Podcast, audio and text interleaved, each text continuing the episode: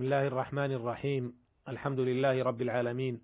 وأصلي وأسلم على أشرف الأنبياء والمرسلين. نبينا محمد وعلى آله وأصحابه أجمعين والتابعين ومن تبعهم بإحسان إلى يوم الدين. أما بعد أيها المستمعون الكرام السلام عليكم ورحمة الله وبركاته. تحدثنا في الحلقة السابقة عما رواه الشيخان عن أنس بن مالك رضي الله عنه أنه قال قال رسول الله صلى الله عليه وسلم من نسي صلاة فليصلها إذا ذكرها لا كفارة لها إلا ذلك وتلا قوله تعالى وأقم الصلاة لذكري ولمسلم من نسي صلاة أو نام عنها فكفارتها أن يصليها إذا ذكرها وعرفنا ما في هذا الحديث الجليل من أحكام وفوائد تتعلق بنسيان الصلاة والنوم عنها وكيفية قضاء ذلك. وفي هذه الحلقة نتحدث عما رواه الشيخان عن جابر بن عبد الله رضي الله عنهما أن معاذ بن جبل رضي الله عنه كان يصلي مع رسول الله صلى الله عليه وسلم العشاء الآخرة ثم يرجع إلى قومه فيصلي بهم تلك الصلاة. ولما رواه الشيخان عن أبي هريرة رضي الله عنه أنه قال قال رسول الله صلى الله عليه وسلم لا يصلي أحدكم في الثوب الواحد ليس على عاتقه منه شيء. هذان حديثان مهمان في موضوعين مختلفين يحويان أحكاما مهمة وفوائد جليلة. أعرض ما يتيسر من أحكامهما وفوائدهما في الوقفات الآتية.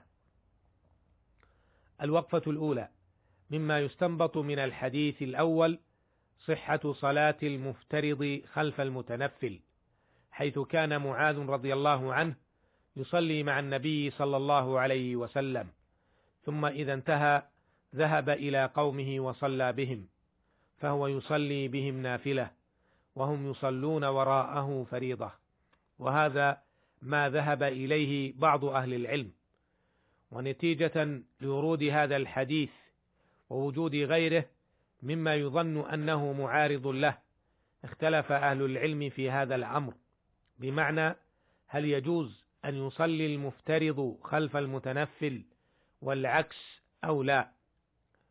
فذهبت المالكية والأحناف وهو المشهور من مذهب الإمام أحمد واختاره كثير من أصحابه إلى عدم صحة ذلك مطلقا واستدلوا بعدة أدلة منها ما رواه الشيخان عن النبي صلى الله عليه وسلم أنه قال إنما جعل الإمام ليؤتم به فلا تختلفوا عليه.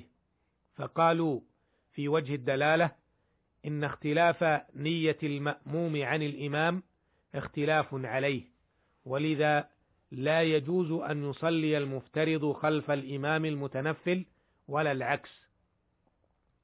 وذهب الإمام الشافعي رحمه الله وهو رواية عن الإمام أحمد رحمه الله إلى صحة ذلك مستدلين بقصة معاذ رضي الله عنه فقد كان يصلي الفريضة مع النبي صلى الله عليه وسلم في مسجده ثم يخرج إلى قومه فيصلي بهم. ولا شك أن إحدى صلاتيه نفل ولا بد أن تكون الأخيرة لأن الأولى هي التي تبرئ الذمة وما كان ليجعل صلاته مع النبي صلى الله عليه وسلم وفي مسجده هي النافلة وصلاته مع قومه هي الفريضة. وقد أجاب أصحاب هذا القول عن دليل القول الأول أنه ليس في هذا مخالفة للإمام لأن المخالفة المنهية عنها في الحديث ألا يقتدي به في تنق في تنف في تنقلاته ورفعه وخفضه فإن المشروع المتابعة والاقتداء فلا يتقدمه ولا يتأخر عنه كثيرا. لذا قال الرسول صلى الله عليه وسلم بعد قوله إنما جعل الإمام ليؤتم به فلا تختلفوا عليه قال بعدها فإذا كبر فكبروا ولا تكبروا حتى يكبر وإذا ركع فاركعوا الحديث. وهذا القول رجحه شيخ الإسلام ابن تيمية رحمه الله وكثير من المحققين والعلماء المعاصرين. الوقفة الثانية. كما اختلف أهل العلم في حكم صلاة المفترض خلف المتنفل فكذلك اختلفوا في صحة من يصلي الظهر خلف من يصلي العصر فيقال في هذه المسألة ما قيل في التي قبلها والصواب إن شاء الله تعالى ما رجحه بعض العلماء المحققين من جواز ذلك لقصة معاذ رضي الله عنه. الوقفة الثالثة استنبط بعض أهل العلم من قصة معاذ رضي الله عنه جواز إعادة الصلاة المكتوبة كما فعل معاذ رضي الله عنه لا سيما إذا كانت هناك مصلحة لهذه الإعادة كمن يدخل مسجدا وقد صلى أو يؤم غير قارئ أو يصلي منفردا فيجد جماعة فيصلي معهم وهكذا. الوقفة الرابعة مما يستنبط من قصة معاذ رضي الله عنه حرص صحابة رسول الله صلى الله عليه وسلم على الاقتداء بالنبي صلى الله عليه وسلم ومتابعته وتخطي آثاره. حتى هذا الإمام الذي يؤم قومه في مسجد آخر ما كان ليترك صلاة النبي صلى الله عليه وسلم وفي مسجده ويكتفي بالصلاة إماما لقومه. فما أحرانا أيها المستمعون الكرام وسنة رسول الله صلى الله عليه وسلم بين أيدينا أن نتبعها ولا نتركها زاهدين فيها أو متكاسلين عن تطبيقها أو أن نحيد عنها لمناهج البشر المختلفة. وإن من المؤسف أن نجد كثيرا من المسلمين في هذه الأزمنة المتأخرة تعلقوا بغيرهم من الكفار فصاروا يقلدونهم ويتبعون ما يرد منهم ويتبعون ما يرد منهم غير مبالين بما يكون في ذلك من الحلال أو الحرام. حتى إن البعض منهم يفضل ما يفعله الكفار فيقلدهم في أتفه الأشياء كاللباس والشعر والمشي والحركات. ومثل من يفعل هذا يبقى عليه خطر في دينه لأن هذا تمكن حب الكفرة من قلبه والعياذ بالله. والله جل وعلا أرسل لنا محمدا صلى الله عليه وسلم وجعله قدوة لنا في كل شيء نقوله ونعمله.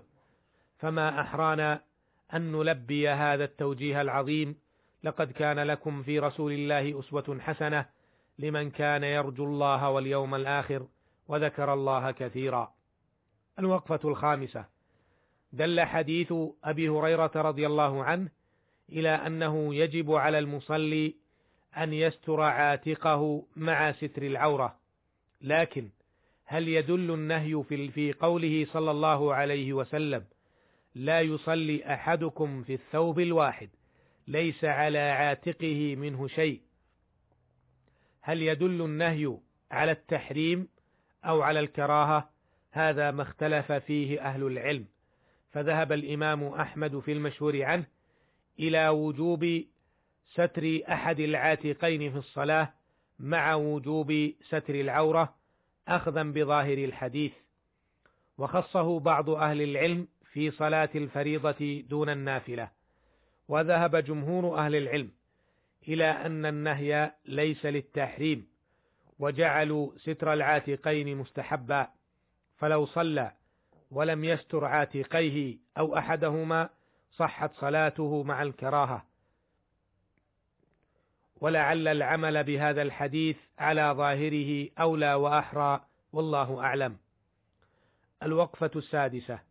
مما يدل مما يدل عليه حديث أبي هريرة ما ينبغي للمصلي أن تكون هيئته حسنة ومظهره جميلا فمن المؤسف أن كثيرا من الناس يتجمل للناس ولا يتجمل حال مناجاته لرب الناس. فالله سبحانه وتعالى جميل يحب الجمال. فعلى المصلي أن يجتهد تمام تمام الاجتهاد في حسن منظر في حسن منظره ولباسه أثناء تأدية الصلاة كما يتجمل في حسن مخبره بخشوعه وأدائه للصلاة على الوجه الأكمل.